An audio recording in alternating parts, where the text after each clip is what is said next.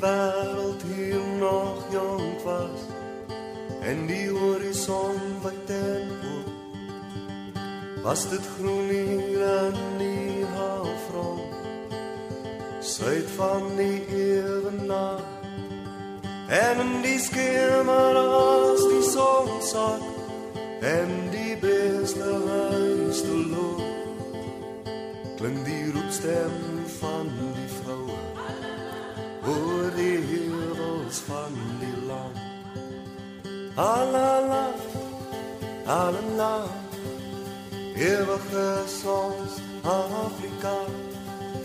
Alala, alala, eeuwige soms Afrika.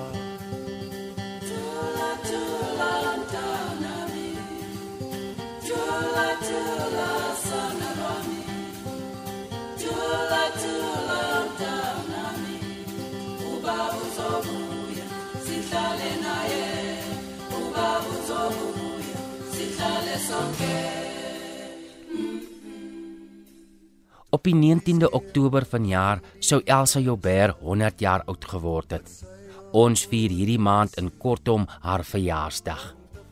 Vanaand lees Rika Senet Dogters van Afrika natuurlik geskryf deur Elsa Joubert. Dit is 'n lang maar pragtige storie en dis hoekom ons dit in twee dele verdeel het. Vanaand lees Rika die eerste helfte van die storie. Dit kom uit die bundel Dogters van Afrika: Verhale oor Suid-Afrikaanse vroue en Tafelberg is die uitgewers. Alala, alala, eeuwige soms Afrika. Alala, alala, eeuwige soms Afrika. Tula tula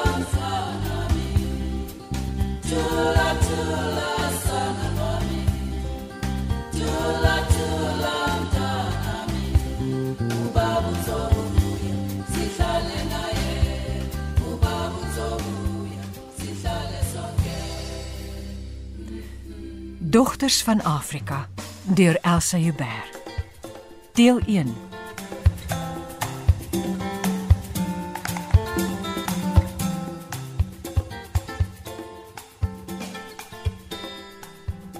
Hulle swenk in by die pad wat na die ondergrondse perronne van die Johannesburgse stasie lei.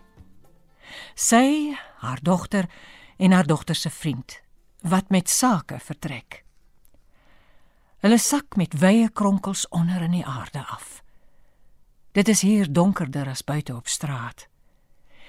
Die elektriese ligte teen die betonmure skyn skerp, maar oneffektief. Die kappe is stukkend gegooi en die lig veryl reeds teenaan die gloeilampies. Die motor beweeg stadig deur die swart mense wat op die perron saamdring. Haar dogter se vriend gebruik nie die toeter nie. Hy druk die neus van die motor voel voel verskonend tussen hulle deur.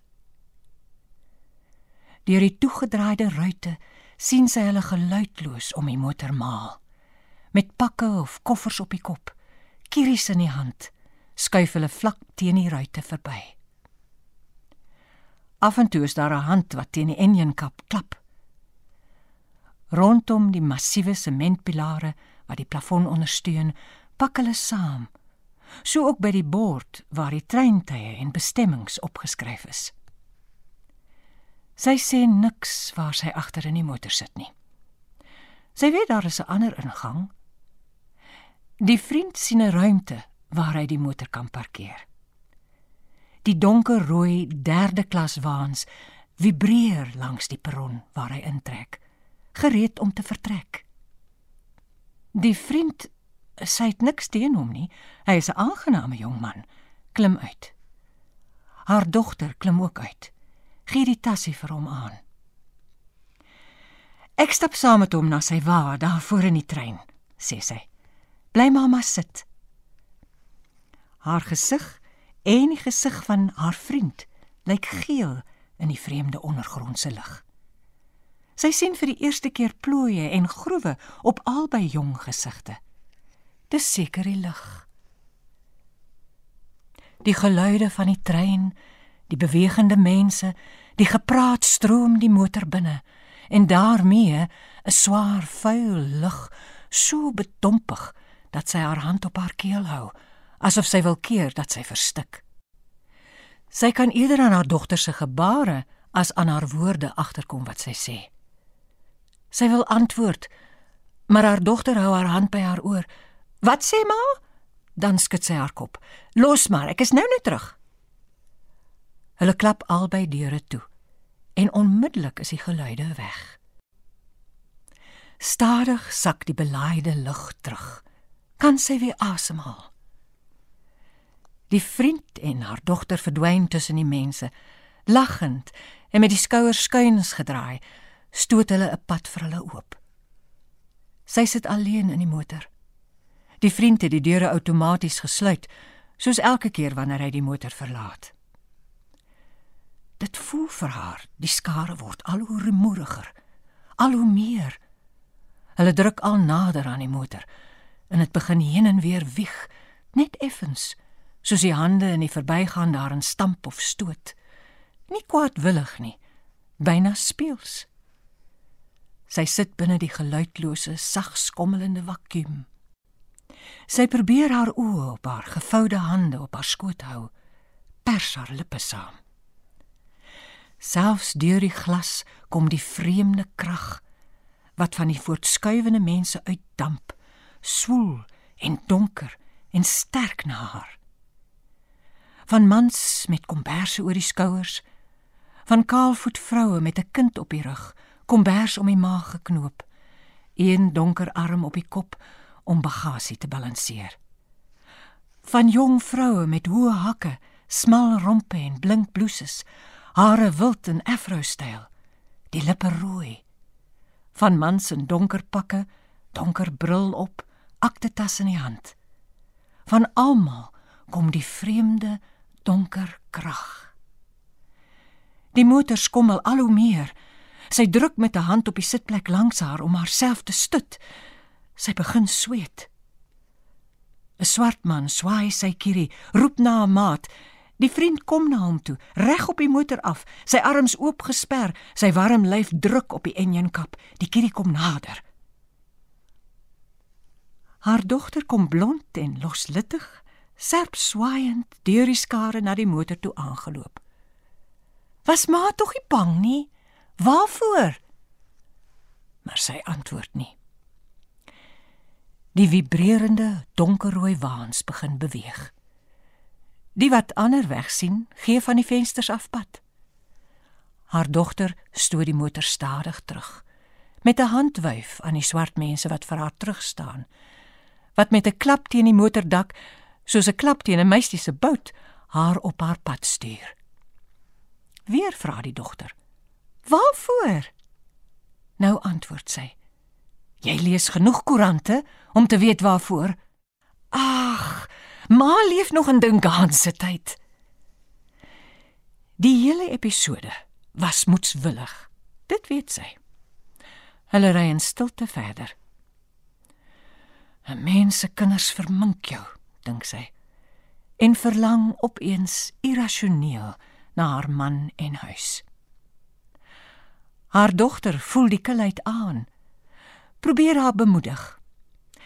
Ma sal nou sien. Ma sal nou 'n hele ander idee kry. Die hele week wat sy by haar dogter kuier, was dit 'n moetswilligheid, dink sy weer. Die jong kollegas wat kom koffie drink en by haar kom uitvra as deel van hul navorsing. Kontemporêre sosiale geskiedenis, soos hulle dit noem. Hoe die bedienis in die 50er en 60er jare aan die rand behandel is. Die sosiale lewe van die as Ja, mevrou, noem maar die woord, moedig hulle haar aan. Dis deel van ons navorsing dat die woord wel gebruik is. Hierdie fossielwoorde in die taal spreek boekdele. Rekreasie van sanitêre werkers of as uh, dan en daaronder 'n spasie. Sy het eerlik nie geweet wat om te skryf nie. Rekreasie vir die as was buite haar begripsvlak. Destyds En moet sy erken, nou ook. Haar dogter het haar verboureerdheid gesien en beskermend soos met 'n kind haar arm om haar skouers geplaas. My ma is maar 'n gebreinspoelde Afrikaner. Mens moet dit in aanmerking neem, het sy goedig gesê. Nou is hulle van die stasie af op pad na 'n hotel in die middestad, waar 'n kongres vir vroue, hoofsaaklik swart vroue, maar 'n paar wites is ook genooi, geopen word. Haar dogter, 'n joernalis, het aangevoer: "Kom nou saam. Stel maar oop vir die nuwe dinge. Toe maar, dis 'n kans maar." Hulle trek in by 'n ondergrondse parkeergarage waar die hotel wag, 'n ou man na die motor sal omsien. Die soort aan wie sy met beha 'n stewige voetjie kan gee. Hy neem dit met albei hande daarom gevou en sy hoor die deesdae vreemd klinkende woorde: "Dankie my missies." Die oploop van die garage na die hotelingang is donker, maar buite straal dit van lig. Sy loop die ingang binne. Nog nie op haar gemak nie. Haar dogter lei haar na 'n syportaal waar die kongreslede ingeskryf moet word. Die vroue agter die tafel wat pen in die hand oor die register buk, is donkerbruin. Sommige byne ebbehoutkleurig. Hulle hare styf weggekam of in spanspekkerytjies gevleg. Dit voel vir haar of die lig ook hier, soos in die stasie, donker en swaar is. Sy voel effens benoud miskien van die lugdruk of die vinnige stap. Sy hoor die swart vroue in hulle vreemde taal met mekaar praat en lag. Die slanke vrou voor haar stoot haar bril op oor haar voorkop en kyk hulle aan. "Yes." Die dogter is opgetoe, gesels oor die projek, skryf in, draai na haar ma. "R40 vir ma," sê sy. Sy sluk, maar sy betaal. In die saal wat reeds halfvol is, sien sy 'n stuk of 5 wit gesigte. Twee jong vroue en een haar ouderdom. Sit maar goed. Sy praat nog nie. Knik net styf. Eintlik sit sy nie goed nie. Die plastiekstapel stoele wat in die saal ingedra is, se sitplekke is smal. En sy is nie klein gebou nie. Sy sien 'n vrou wat sy van lank gelede ken binnekom. Sy en haar metgesel skuif by hulle in die gangetjie verby. Groet uitbundig. Asof ek uit die dode opgestaan het, dink sy wrang. Of is dit omdat sy my hier teekom? Voor sy verder loop, fluister die vrou agter haar hand. Dis 'n klomp died in the wool liberals hier. Ek verwag nie veel van die ding nie. Nou, wie verwys sy? Na haarself? Na haar? Of na die swart vroue? Die groep daar voor by die verhoog wat saam kloek om die program te bespreek. Hulle is meestal ouerig, nie die dik mamma tipes nie. Bekwame vroue met jare se werk agter die rug. Mens sien dit aan hul gesigte, die grys in die hare, die wit van die binnehande, die vierkantige staan op die plat skoene vroue met gesag, ook 'n paar deftiges, seker uit die buiteland teruggekeer. Sy's nie eers seker wat die died in the wool liberals beteken nie. Mens moet in duidelike terme leer praat, dink sy opeens. Dan sal almal beter verstaan wat aan die gang is. Die eerste toespraak deur 'n swart vrou, dokter in sosiologie, voormalige aangehoudende en politieke aktivis, kom opdreef. Wat sy sê is niks nuuts nie. Bekende politieke van selfsprekenhede. Selfs haar dogter verloor belangstelling. Maar sien, dis nou goed. Dis nie 'n opswepery nie. Ma moet nou ontspan. Maar sy bly sit, penorent, haar lippe saamgepers. Died in the wool liberals. Dit krap nog. Soos gebreinspoelde Afrikaner nog krap. En die twee swart hande om haar voetjie bak gehou met die dankie my missies op 'n ander manier begin krap. eintlik hou sy nie van die ontoegeeflikheid in haar hart nie. Sy dink nie sy's 'n harde vrou nie. Sy probeer die ou teenstrydigheid wat weer vanaand hier kop uitsteek onderdruk. Sy wil haarself oopstel vir haar medemens, maar eintlik wil sy ook nie. Sy wil, soos die Bybel sê, haar medemens lief hê soos haarself, maar eintlik wil sy ook nie. Want sy weet sy vrees dit wat daardie liefde in sy vaarwater sal saambring. Sy is eerlik genoeg om dit te erken. Ook eerlik genoeg om te erken dat die bakhande haar tog heimlik plesier gegee het. Soms soos nou leef sy moeilik saam met die teenstrydigheid. Na die toespraak, 'n modeparade, 'n ontwerper uit Soweto. Die mannekyne jong meisies uit Soweto. Met die helder ritmiese township musiek en die vloeiende bewegings van die lywe begin sy ontspan. Kordaat tree hulle na vore en draai hulle rondetjies. Een toentjie by die ander voet se hak. Skop weer uit, draai, swaai, arms in uitlokkende, dan afwerende gebaar, soos fyn takkies in wind. Die rokke 'n mengsel van etnies en westers, vars en vrolik, en hulle lag hulle rooi mondjies wit. Sy voel haar vingers op haar skoot begin beweeg, skaars merkbaar op maat van die musiek. Op haar dag was sy 'n goeie danser. Haar lippe gaan effens oop in 'n glimlag. Ver af herinneringe wil wil hul opwagting maak. Sy is spyt toe die vertoning tot 'n einde kom. Die groep vroue wat sy met die inkom opgemerk het, stap nou op die verhoog. 'n Vrou met 'n hoë geel tulband om die kop, fyn hoë wangbene, potloodstreep wenkbroue, modieus geklee, pas uit Amerika, neem plaas voor die mikrofoon. Voor sy begin praat, kyk sy lank en aandagtig na die gehoor. Dan sê sy: "Ek wil hê ons moet eers van mekaar kennis neem. Lyflik kennis neem. Ek vra u om almal om die beurt die hande van die vrou langs en voor en agter u te neem en hardop te sê: "Congratulations my sister." Why congratulations? Because we as women have survived to this day and age and have helped our families to survive. Daar is 'n oomblik stilte. Dan kom daar van haar regterkant 'n half skie, half ongemaklike, maar dwingende stoot van 'n skouer teen hare.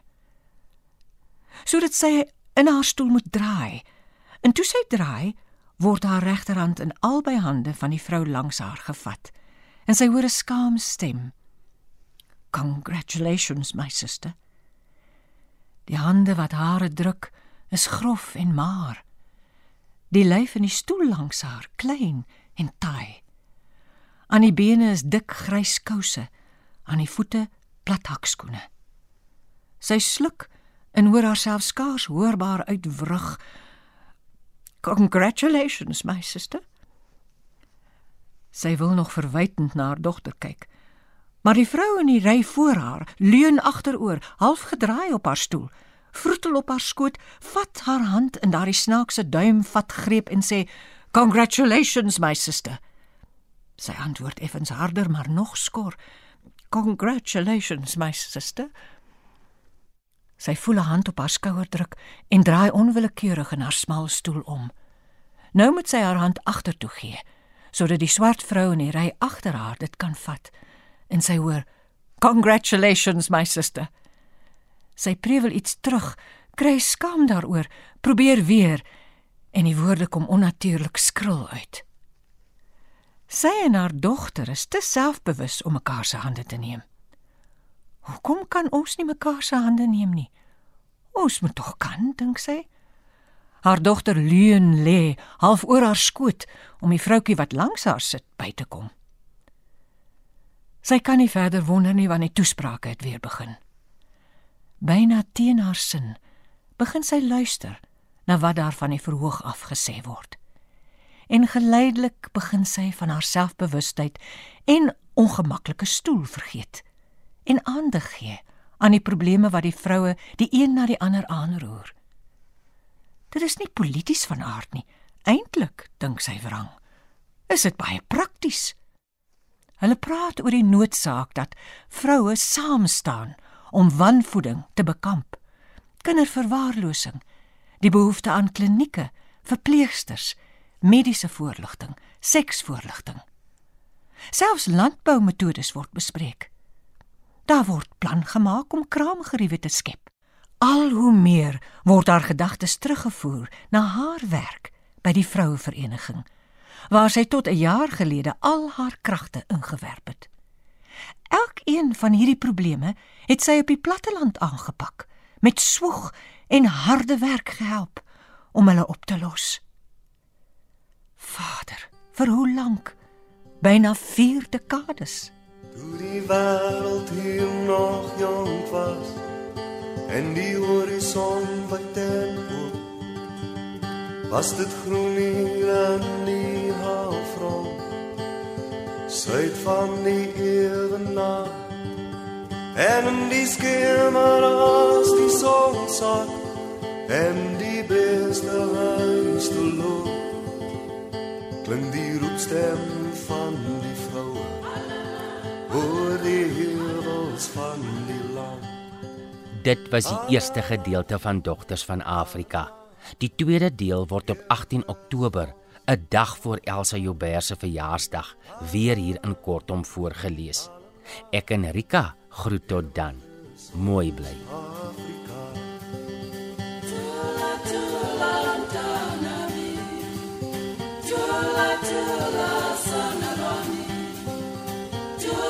Toe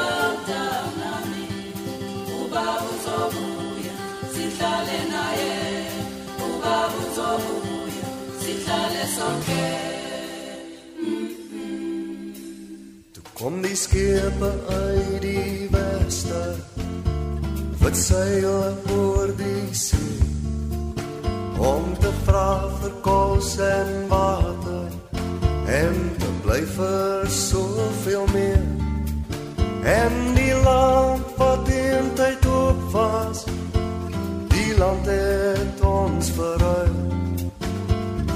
ghettos van die stede is ons koper draad gegee. Alala, alala, alala, alala, ewig is ons Afrika. Alala, alala, alala, alala, ewig is ons Afrika.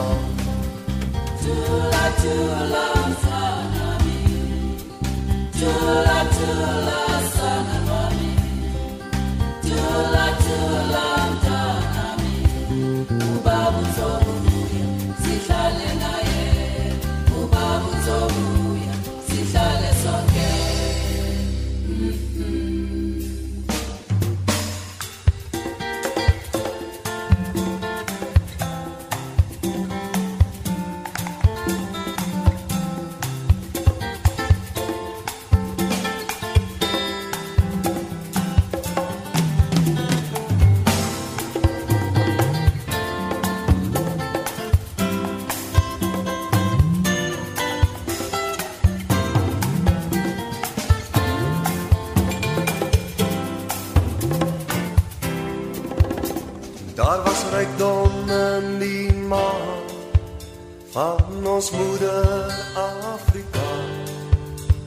Diamante en ook steenkool.